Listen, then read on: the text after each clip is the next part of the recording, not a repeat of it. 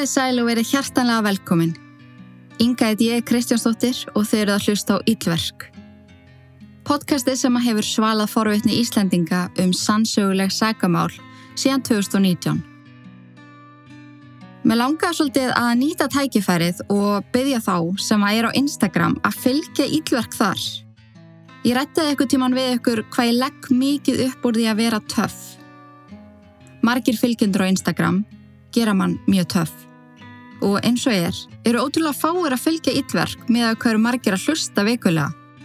En ég nota Instagram langmest fyrir utan lokuðu Facebook síðuna til þess að deila nýjum þáttum og alls konar upplýsingum.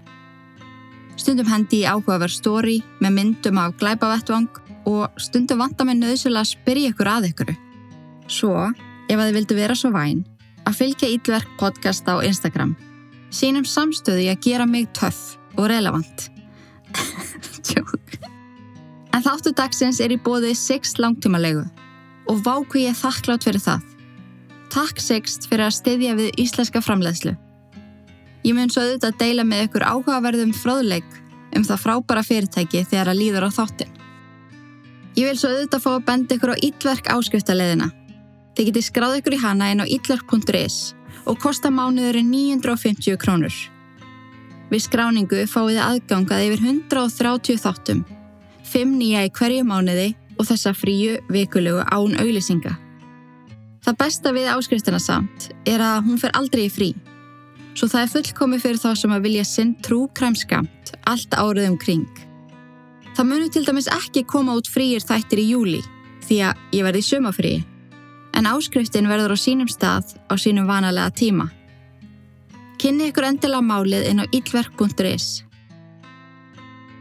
En ok, mál dagsins.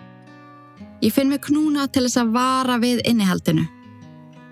Málið er mjög hróttalegt og getur lýsingar láta ykkur kasta upp morgumatnum.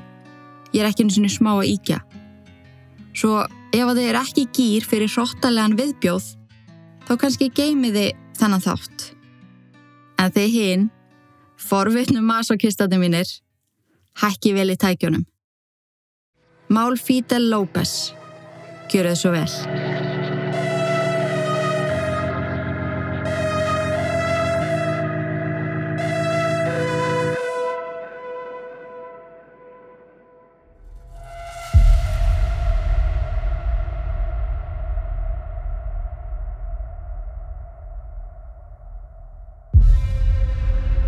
Klukkan 3.39 aðfaranótt sunnudagsins 20. september árið 2015 barst neyðalínunni í Sunrise, Florida mjög óhugnalegt símtall. Maðurinn sem að ringdi talaði ennsku með spænskum hrein og var í verulega miklu uppnámi sem að gerða að verkum að það skildist illa hvað hann var að segja. 911, what is your emergency? Hello? Fucking hurry up, man. My girlfriend's fucking in the bathroom. She's gonna breathe for me. I'm here, like, oh my god, she's gonna die, man. Come on. Okay. Come here, man, please. I can barely understand what's going on. No, my God, no, she was slinky, and then, like, I know, I don't know when she went to the bathroom, and when I went there, was, it was blown, and everything, like, like, I don't know, man, she's not breathing. I mean, like, she's fucking, she's gonna die, man. Come on, shut up. It's over here right now, man. The? Maðurinn segir neyðalínuverðinum að hann hafi komið að kærustunni sinni á gólfinu inn á baðherbyggi. Hún lá á bakinu og andaði ekki. Það var mikið blóð á gólfinu og hann skildi ekki hvað var að gerast. Neyðalínuverðurinn beður hann um heimilisfang en maðurinn verist ekki heyra spurninguna og heldur áfram með frásögnina um atbyrðar ás kvöldsins. Þau voru að drakka saman, voru orðin mjög drukkin. Hann fyrir út að reykja á meðan hún fyrir nú baða æla og þegar hann kemur tilbaka finnur hann hana meðveitundalausa á gólfinu. I know. I Let's tell them the address on it so we can get her some mail. Daddy, come on, man. Please don't fucking close your eyes, Daddy. Come on. Okay. I need to There's something with the address on it so we can get her sent out.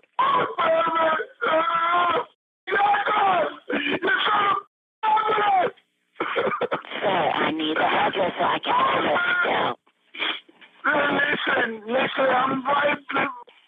I don't know. It's just, just to be outside with the dominant scammer. I don't care. She was here. She, she, she just rented the apartment with me. She was here. She's, she's uh, sister money in this. Uh, Okay. I don't know, man. Well. She's, she's not breathing, man. She's not breathing. She's gonna die.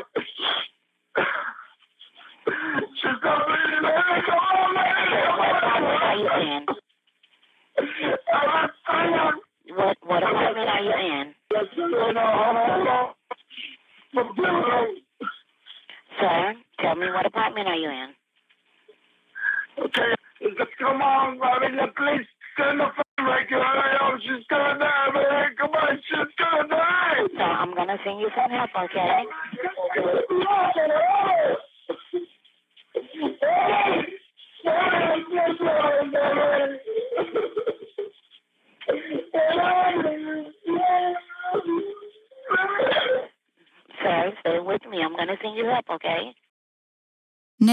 Vörðurinn reynir ítrekkað að fá upp heimilisfangið, en maðurinn virtist ekki viss. Hann kallar, Marja, Marja, sem að neyðalínu vörðurinn skráir hjá sér sem nafn kæristu hans.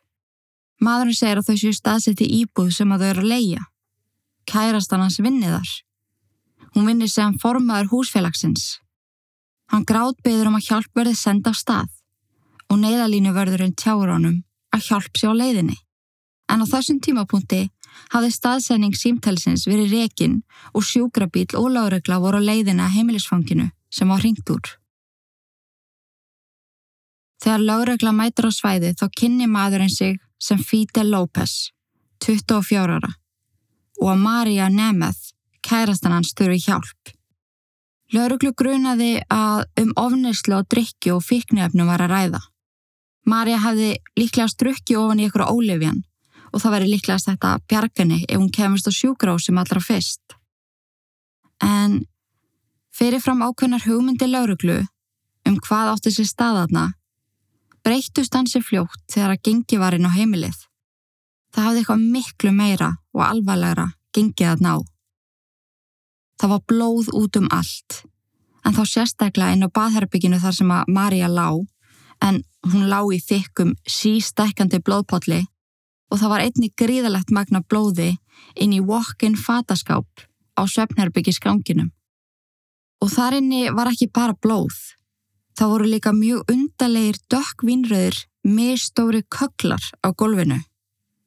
Og það fyrsta sem laurugluþjónum datt í hug þegar þeir sá þess að kökla var að Marja hafi mist fóstur.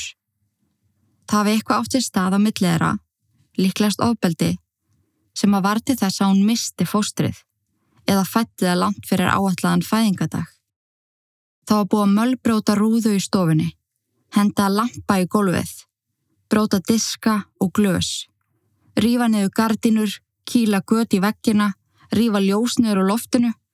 Það var gjörsanlega allt í rúst, eins og ykkur hafi styrlast og gengið hiftalega berserskang. Það var ekki mikið á húsgögnum í íbúðinni, en inn í stofunni voru tveir pappakassar á gólfinu sem hafðu greinlega verið notaðir sem borð.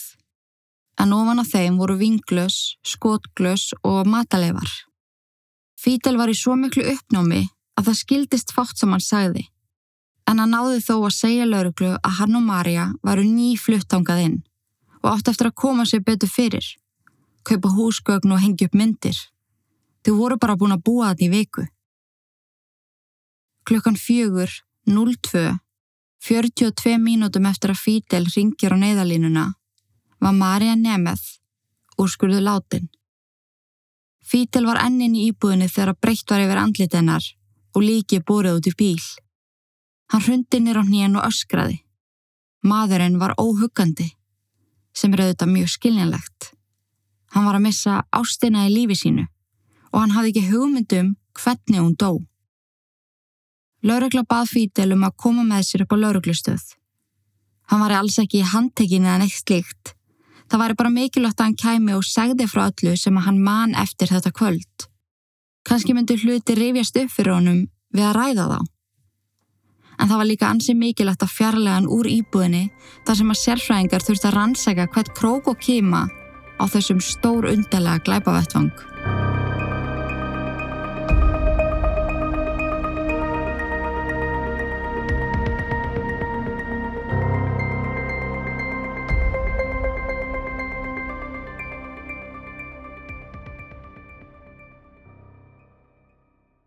Fítel byrjar á að útskýra fyrir laurugluþjóninum sem að rætti við hann að hann og Marja væri búin að vera saman í rúmt ár.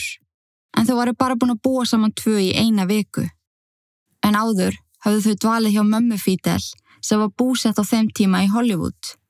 En eftir að hún flutti til Miami í minna húsnæði ágaf parið að finna sér eigið húsnæði. Marja rettaði það mjög fyrir íbúð í Collandine sem er mjög eftirsóttu staður til þess að búa á í Sunrise, Florida. En Marja var formaður húsfélagsins og sá um leigu uppgjör. Þau kynntust árið 2014 þegar þau voru bæði úti að skemta sér. Fidel bjóð þá ennþá með barsmáðu sinni sem hann átti tvö börn með. En það var í vinslu að flytja út því að hún hefði slitið sambandinu nokkur áður. Marja var ný fráskilin eftir átt ára hjónaband en með fyrrum eigimanni sínum átt hún þrjú börn. Kvöldi Örlaríka, 19. september 2015, byrjaði Sankan Fítel mjög venjulega. Hann kom heim úr vinninni rúmlega 6 og þá var Marja byrjuð að elda kvöldmatt. Hann fór í sturstu, þau spjöldluðu og ekkert með einn barst mamma Fítel í tal.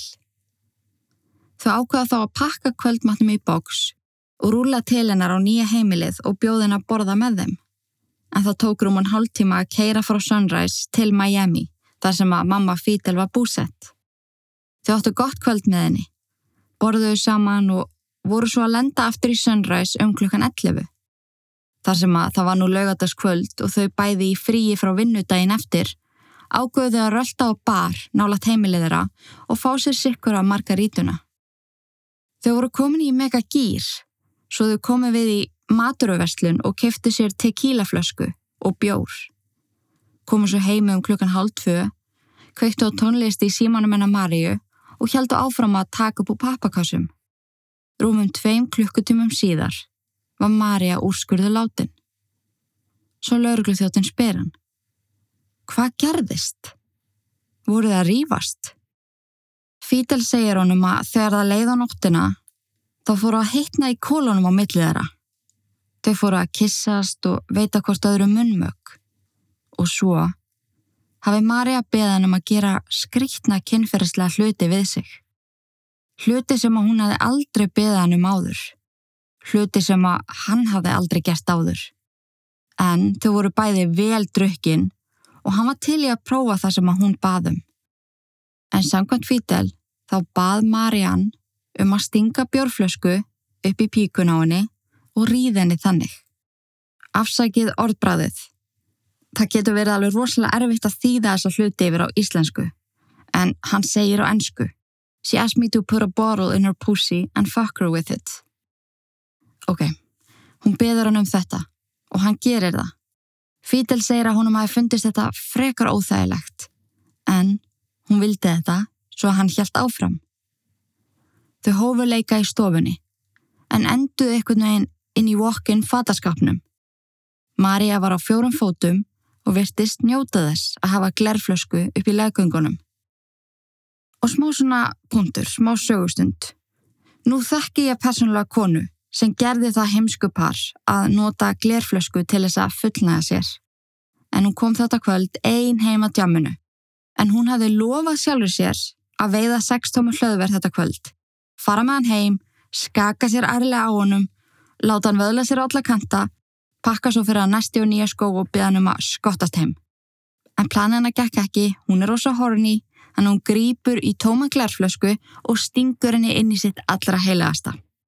Nokkru síðar þá þurft hann að vekja fóröldra sína þar sem hún bjó ennþá undir þeirra þaki og baði vinselast um að fara með þessu upp á spítala því að flaskan stóð först.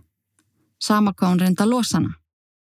Þegar á sjúgrásu var komið kallaði læknirinn á húsvörð spítalans og baði hann um að færa sér borvel og 30 mm bor. Boraði svo gata á botflöskunar og fjarlæði hana. Bóðskapurinn í þessari sönnu sögu er sá að þegar að glerflaska fyrir bílægöng myndast sóg. Sógi ger það að verkum að flaskan festist en með því að bóra gata á botflöskunar losaði læknirinn knái um sógið. Í dag vinnur þessi kona sem gælkeri í banka og segir þessa sögu bara eftir ákveðu magna áfengi. en svo förum aftur á Fídel og Marju og þeir svona fattir kannski af hverju ég er að segja ykkur þessa sögu en þau eru svo staðsettin í vokkin fattaskapnum og Marja er orðin mjög æst og beður Fídel um að taka flöskuna og stinga hendinni inn í staðin. Samkvæmt Fídel þá spyr hann hana ítrekkað Erstu viss? Erstu alveg viss? Því það er nefnilega komið blóð. Marja stóð först á sínu og segist vilja það mjög mikið. En flaskan hafði greinlega sært hana innan sem var allir því að það var byrjað að blæða.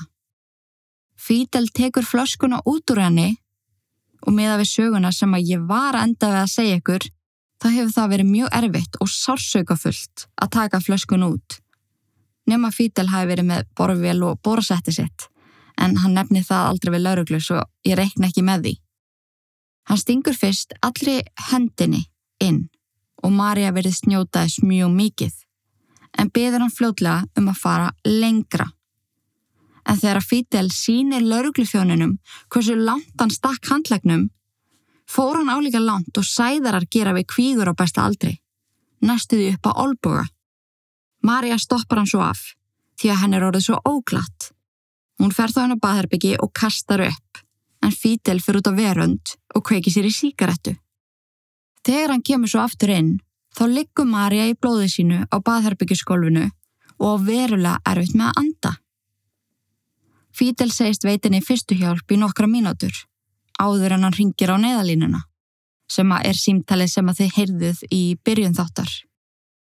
Á þessum tímapunkti þá hafði Fídel setið með lauruglu þjónunum í rúman 1,5 klukkutíma og sangat Fídel var þetta allt sem hann myndi eftir. En lauruglu þjónin hann var í stöðugu sambandi við bæði þá sem að voru á vettvang og hann fekk stöðu uppfæslur frá kröpningalækni.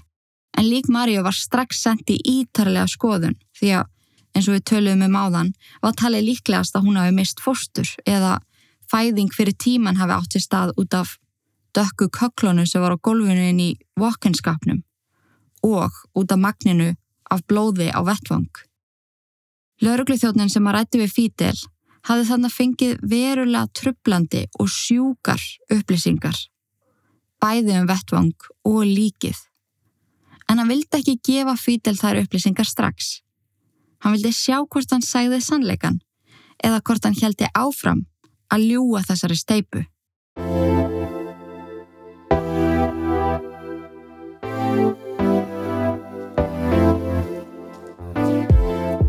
Ég ætla að henda í eitt reikningstæmi fyrir ykkur. En ég bað mannesku sem að ég þekki, sem að er að með að selja bílið sinn, að taka saman hvað hún er búin að eigða miklu í bílinn mánalega og svona gróflega síðan hún fjekk hann. Ástafan fyrir því að ég er að taka hennardæmi er því að hún sagði orðrætt við mig í gerð. Sétt hvað ég væri til að ég hefði tekið bílalegu bílinn sem ég var að spá í. Því það er búið að vera mjög dýrst og perrandi að bæði halda upp í bílnum og svo selja hann. Reikningurinn byrja með að hún tekur bílalán en hún keipti sér árskamlan bíl. Hún átti eitthvað um 900.000 sem hún hendi í útborgun og tók svo lán upp á 4 miljónir. Í hverju mánuði þá greiður hún 68.000 af þessu bílaláni. Svo þurft hún að eiga við bílaumbóðið sem að selja þessa bíla. Þar þurft hún að fara í þjónustu skoðanir og það er dýrst ef það þarf að gera eitthvað. Og ángríðins í hverskipti sem var einu sinni ári þá hendun í 150 til 200.000 í bílinn í þjónröðurskoðun. Ofan á það fannst henni umbóði glatað og þjónustan ekkit eðlilega ópersonlega og dónaleg. Svo voru það að dekja umgangarnir. Hún þurfti að skipta um rúðu, tvísvar, því það flög steitni í hana. Svo kom ljós í mælaborðið. Það var eitthvað að bremsuklossunum og það kostiði ákveða að fara að láta lesa af tölfunni í bílnum. Hún er lungu búin að eigða hátt í fjóru miljónum bara í þetta vennjulega bílahald svo á að selja bíli núna. Hún gerir það ekkit eins og að smyrja brauð Hún þarf ennþá að klára að borga bílalánið og bílinn er búin að falla í verði því að það er það sem bílar gera. Þetta er allt saman mjög óhagstætt þótt þetta sé gaman fyrir marga að kaupa bíla. Það eru fullt af fólki sem er eitthvað fuff, ég nenni ekki hlusta á þessu auðlýsingu, ég vil eiga geggjaða bíl.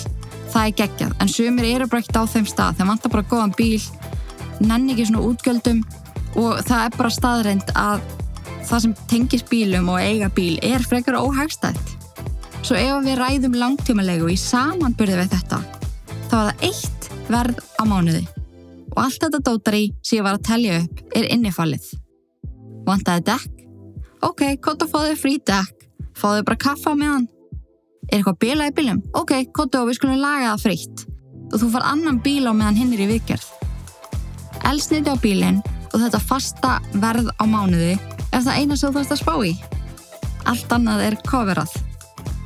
Og svo skilar bara bílnum, farað annan nýri eða byrjar á hjólræða lífstilum, bara það sem að henda þér. Ángríns, tjekkað á þessu.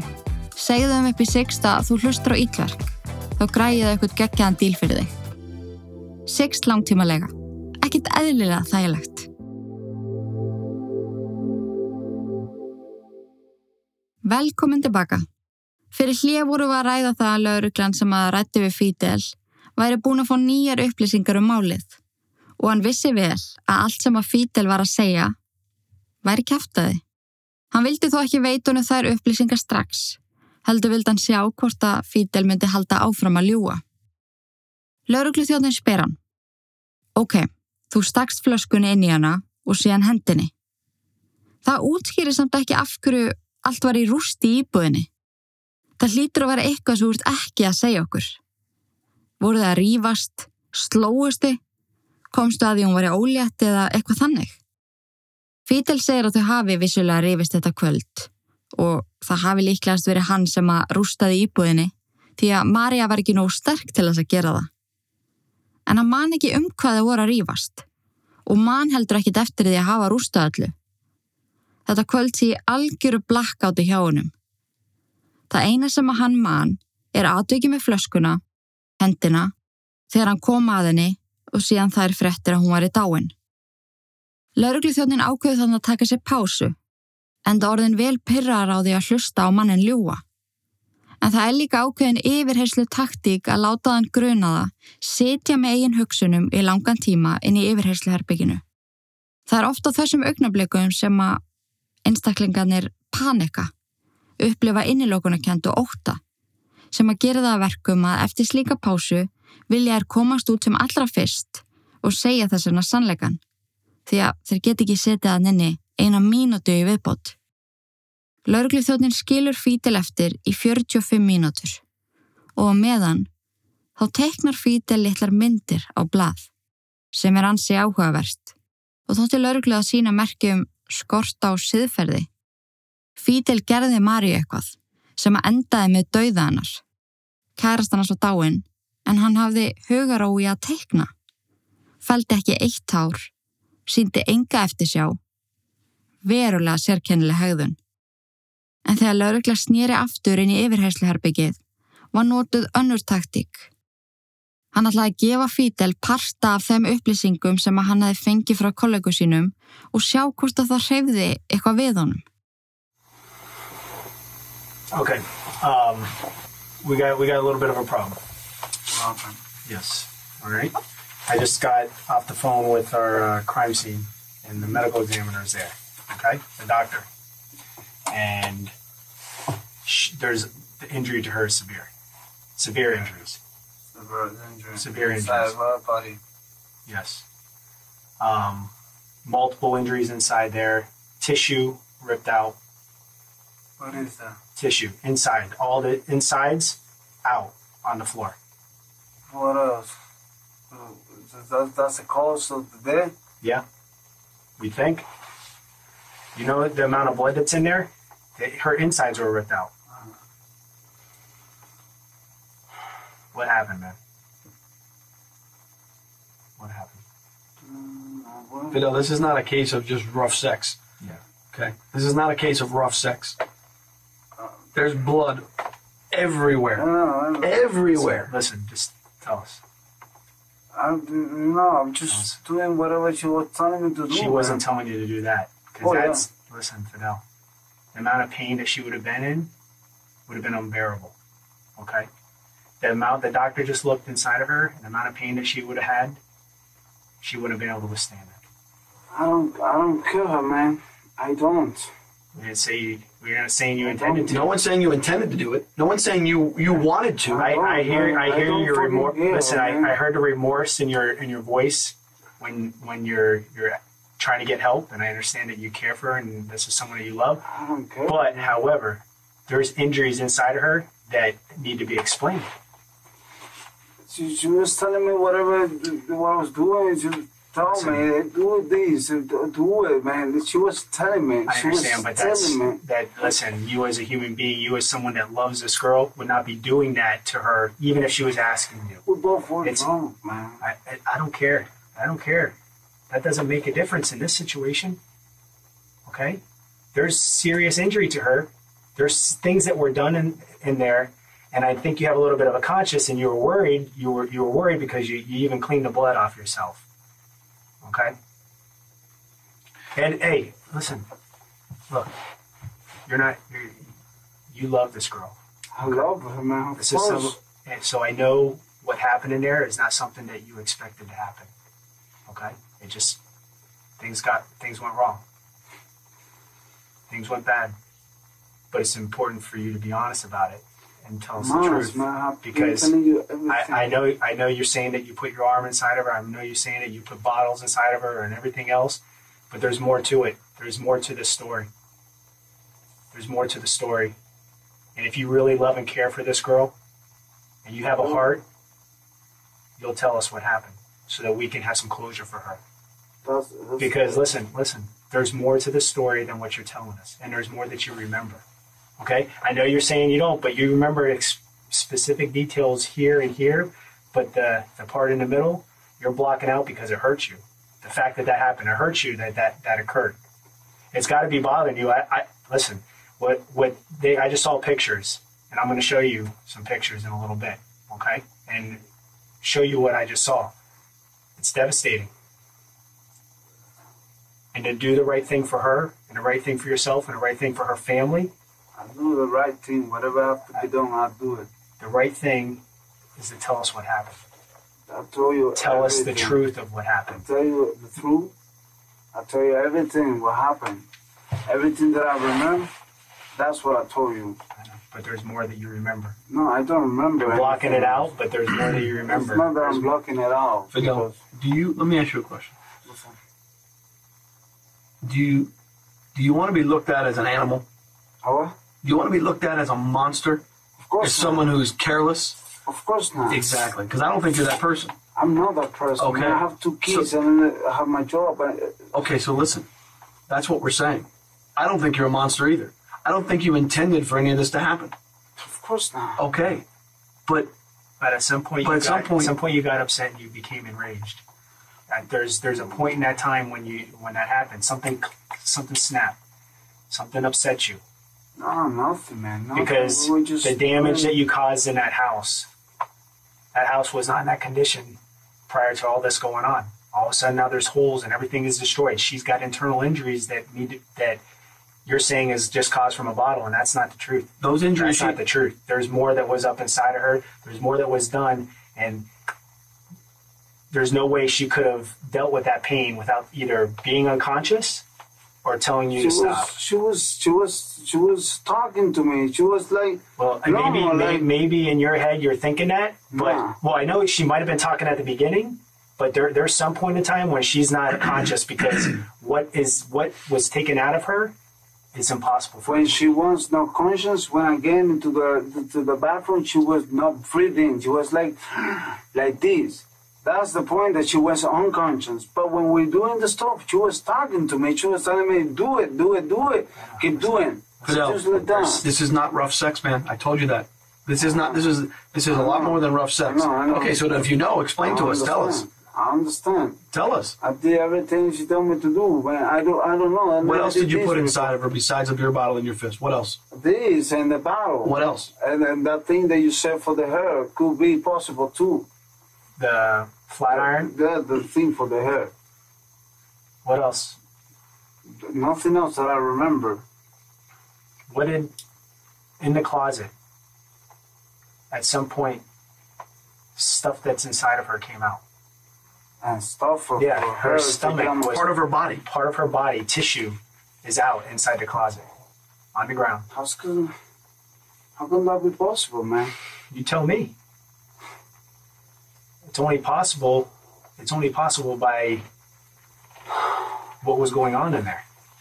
I find it hard to believe that she got up and walked to the bathroom after She what walked to happened to, her bathroom. inside the closet. She walked to the bathroom. I mean, I'm surprised she didn't bleed out in the closet. She bleed. No, like you. bleed out, like not be able to breathe and pass away in the closet from the amount of blood that she lost. No, she was in the bathroom. She, she, she was. She told me she wanted to throw up, and when I Did come you back, did you drag her to the bathroom? No, she was she was normal. She was like What do you mean normal? Like she could have been normal because her insides are on the floor. she was spit out. walking. Okay. Look, She was walking to the bathroom. when you put your hand inside of your fist, were you? I'm not trying to be funny when I do this. I'm asking. Did you? Were you doing this? Yeah, Okay. When you pulled your hand out, did you have anything in your hand? I don't know, blood. I guess. Anything else? You feel anything in your I hand? don't I remember, like you know, Squishy, just, anything? Just, just blood. I mean, full of blood. I mean, not. Oh, come on, man. I'm asking.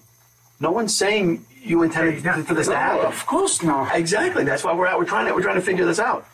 We have to explain to the doctor and we have to explain to other people that are looking at this what happened. Okay. We have to explain how she got into this condition. Part of her insides, from inside of her body, are on the floor in the closet. We're not saying you're a killer. Okay. Oh, no, I'm not. Because you're not a murderer. You're not a killer. This is not No. you. Okay. No, man.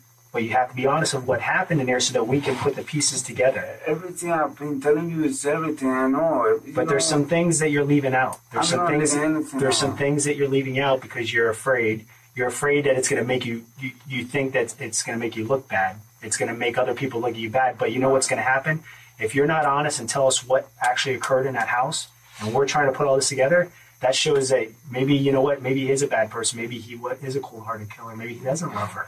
And I don't think that's you. That's, that's not me, It's man. not you. I know you, you. You have care and concern for this girl. All right. Do you love this girl? Of course, babe. Okay. Would you do anything to hurt her? Of course not. Okay. But you did. Right? And I'm not leaving anything out of this, But, man. but you, did, you understand that you hurt her. Right now, I understand. Everything you told me, you But you knew right now. but but you know you did because you saw the blood. Yeah, Blood is not blood. normal. Blood from sex is not normal.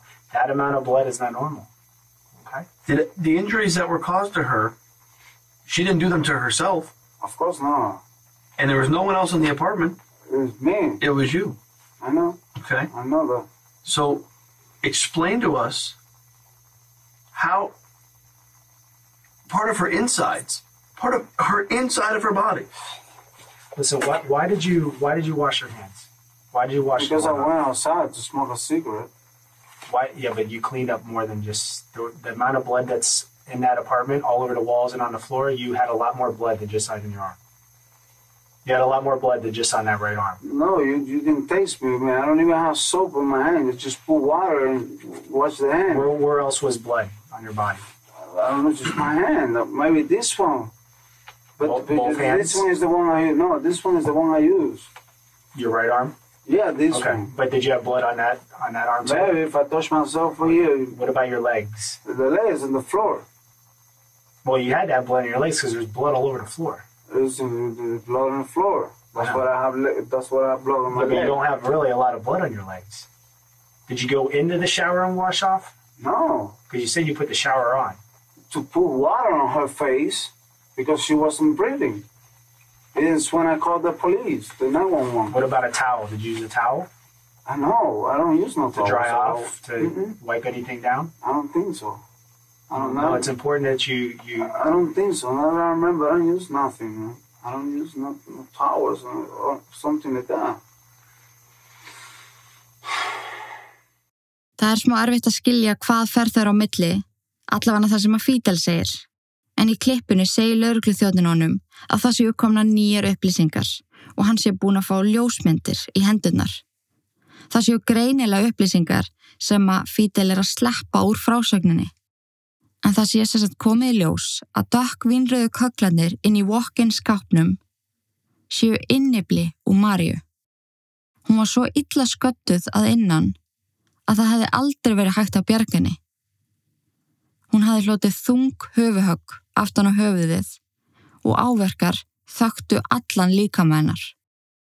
Henni blætti út því mikið að líffærumennar voru rifin úr henni í gegnum leggöngin. Þarmbatnir, mægin.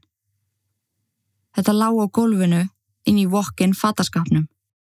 En talið er að Fítil hafi rifið fjögur handfylli af inniblum og öðru sem á heima innvortis út úr Maríu. En Fítil virðist ekki kippa sér neitt sérstaklega upp við þessar upplýsingar og tönglegast á því að hann hafi bara gert við hana það sem hún baðan um. Hann hafi ekki tekið eftir neinu koma út úr henni. Lörgluþjóðin segir hún veitni að það get ekki verið að hún hafi farið sjálfin á baðherbyggi eftir að líffærin voru rifin út úr henni inn í skápnum. Því að sársökin sem hún fann fyrir hefur verið svo óbærilegur að það leiði líklegast yfir hana. Hún er þetta líklæra að Mari hafi dáið inn í skápnum og Fídel hafi svo dreyið hana inn á baðherbyggið. En Fídel þverr tók fyrir þetta. En segist hann ekkert muna.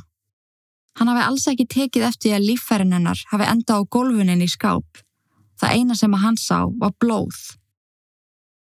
Lauruglu þjónanir sem að voru á þessum tímapunktu átnið tveir, good cop, bad cop vibes í gangi, fara að þrýsta meira á hann.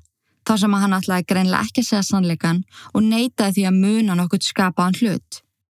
Þeir hættu að skafa af hlutunum og baða hann um að sína þeim hversu langt hann stakk hendin inn í Maríu. Og hann bendur á upp handlegin, rétt fyrir á hann ólboga, og þeir segja við hann, ef þú stakst hendinni svona langt, þá fórstu lengra en laggöngin. Erstu vissum þú hafið ekki grepið í neitt, rifið eitthvað út, óvart, því að þú varst kannski reyðu við hana. Þeir reynda að láta það hljóma eins og Marja hafi gert honum eitthvað. Hvað gerði hún þér sem að gerði þið svona reyðan? En Fítel fyrir ekki að tjá sig með neinu viti fyrir en lauruglugþjónunir láta hann heyra það. To be honest, man, I really don't know what happened. Listen, I was so. Fidel, come on. Don't listen. You remember here, you remember here, and you remember here. Yeah, I but you remember conveniently don't remember the most important part. You conveniently don't conveniently don't remember what happened in the closet, what happened in the bathroom. Okay? Or what happened in between the two. The She had her guts ripped out in the closet. And you're gonna sit here and tell us, come on, you don't remember what the argument was about? We're drinking, we get drunk. Fidel, you ripped her insides out of her through her vagina. I didn't mean to do that, man. I understand that, but you did it. What pissed you off to the point where you did that?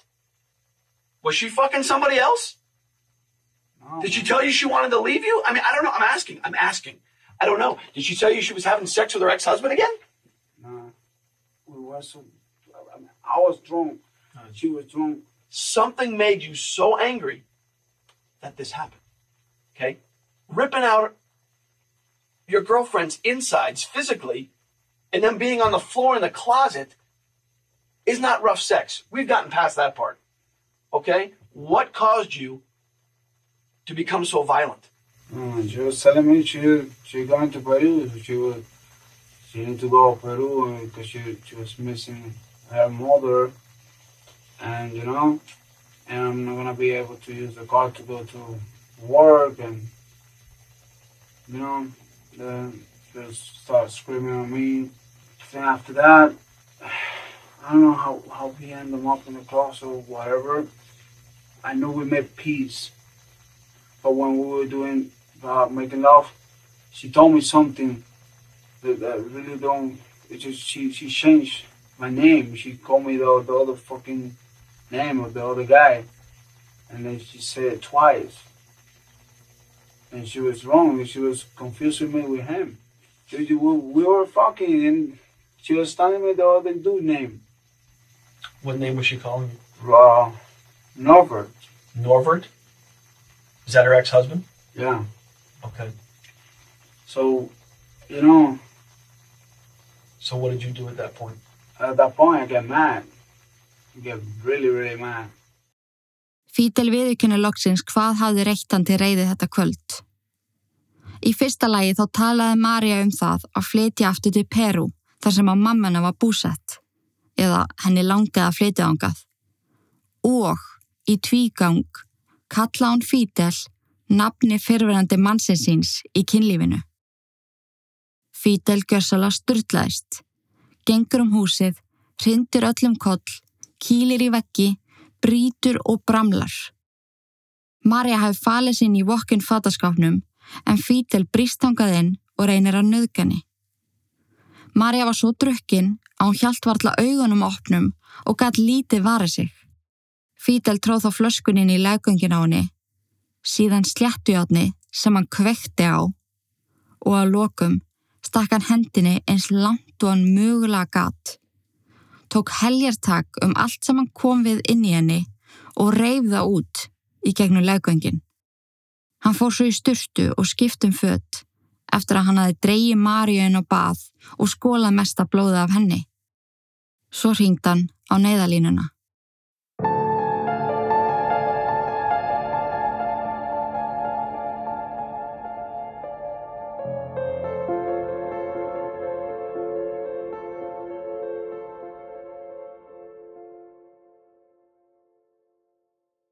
Fíta López var dæmdur í 50 ára fangelsi án möguleika og reynslulaust. Í réttasal þá bað hann foreldra Marju um að fyrirgefa sér. Einmitt, við skulum fyrirgefa þér það að þú sleist líffæri dóttur okkar úr henni í gegnum leggöngin. Ekkert mál. En það er eitt áhugavert sem ég verða að fá að bæta við. Því eftir að það var gefið út ofenbarlega hvað hann hafi gerst og mynda hann var byrt í fjölmiðlum Þá hafði fyrirverandi kærast hans sambandi lauruglu en þau hefðu verið saman í rúm þrjú ár, tveimur árum áður en hann var með Marju. En hún segir frá því að hann hafi stanslust verið að söða í henni um að fá að stinga hlutum inn í hana. Hún leiði honum einu sinni að setja kerti. Hann var svo spenntur að hann fekk að áður en þau gáttu almennilega að sofa saman. Hann söðaði hann flöskur, fjastringar, alls konar hluti. Og eitt annað rúmum mánuði áður en hann myrti Maríu, hafði hann samband við þessa fyrirhandi kærustu og baði hann um að hitta sig. En samkvæmt vinum Fídel þá hafði hann aldrei komist almennilega yfir hana. Blessunarlega sagði hún nei og spáum í því. Ef hún hefði farað að hitta hann, kannski hefði hlutinir endað eins og þeir gerði hjá Maríu. Skelvilegustu örlög sem hægt er að hugsa sér.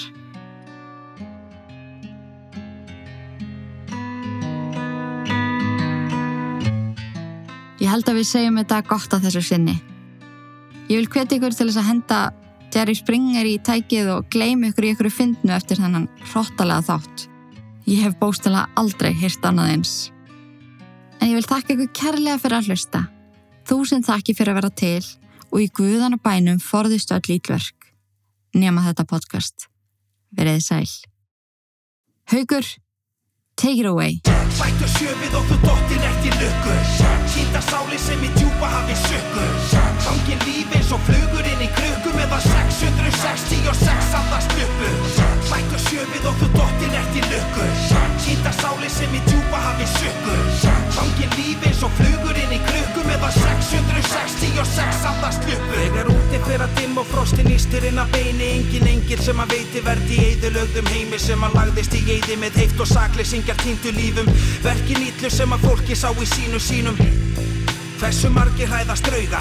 Hversu margir hræðast að að horfi í augu dauðas Augu taka mann á taugum eins og andar sem að herja mann. Hvaði voru á himnum fyndu engil til að verja mann. Hjartaslæri svo það sé með djöfulinn á hælunum Refur á móti hænunum, úlfur með sögða gæru Ílska reykar í bænum og lömpi þakma þórað ekki að vanda. Allt og marga sálir sem að tilbyðja fjanda Hamingja krasar eins og skip sem strandar anda Dráttur milli handa hættir að vanda Þegar að þreyttir að hálsi. Þegar ótti tekur yfir missa sakleysingjar málið eins og nortni galdra fáli Bættu sjöfið og þú dóttir eftir lukku. Hýta sáli sem í djúpa hafi sökku Gangi lífi eins og flugur inn í krukku Meða 666 andast mjöppu Bættu sjöfið og þú dóttir eftir lukku. Hýta sáli sem í djúpa hafi sökku Gangi lífi eins og flugur inn í krukku Meða 666 andast mjöppu Er það reyðir sem að geri megin, skeppnuskapur eins og grimir hundar sem að naga bein. Eins og rifur inn í hænsna kofa hænur sofa svefninum langa þegar að andar koma. Þegar illir andar taka yfir liði fyrir yfirlið ef ljósið andar fara fyrir. Flesti kjósa fá að halda friði liðið í þar um og missi trúna sem það liði fyrir Flesti stand eftir og stara bara hendi sjúkum hug eins og hjá blóðþyrstum talíbana Þau þurfa að byggja fyrir sálum sínum.